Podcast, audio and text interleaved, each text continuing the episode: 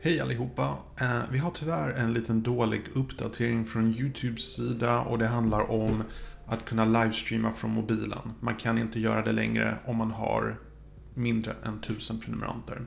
Men jag har hittat ett knep hur man fortfarande kan göra det. Mycket nöje.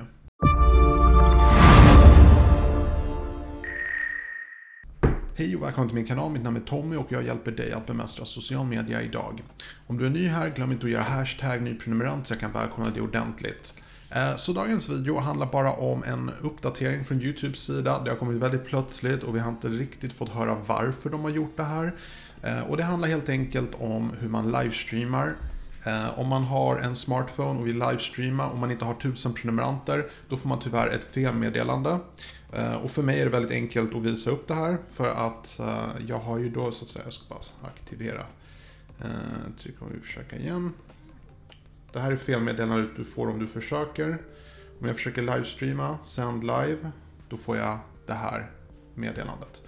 Vilket jag tycker är väldigt, väldigt tråkigt. Ehm, för det blir en slags ehm, diskriminering mot mindre YouTubers. Ehm, goda nyheten är att det finns ett sätt att komma runt det här. Du kan fortfarande livestreama från datorn. Men inte från smartphone eller iPad eller sånt. Men det här är bara för YouTube-appen. Det går tekniskt sett fortfarande att livestreama från en smartphone. Jag ska visa dig hur man gör. Du startar bara en app som heter uh, Streamlabs. Och den här appen är väldigt bra för att du kan använda den till mycket annat. Men framförallt så kan du synka ihop den här, koppla ihop den med ditt YouTube-konto. Och så kan du bara starta appen och du kan, ja, som du ser, du kan fortfarande livestreama. Jag har testat den här, den funkade i alla fall idag. Jag vet inte om den kommer eh, inte fungera i framtiden, men just nu så funkar den väldigt bra.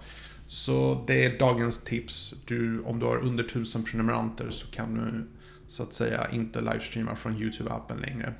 Man kan verkligen diskutera vad, vad det här beror på. Um, jag, jag, vet faktiskt jag kan inte riktigt komma på en bra anledning, men jag misstänker att det har att göra med att det finns många små YouTubers som kanske utnyttjar livestreaming-funktioner på ett dåligt sätt.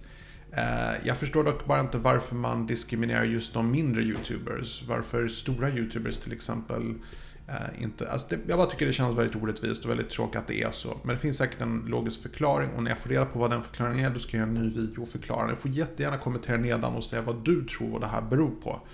Så återkommer jag i nästa video. På återseende.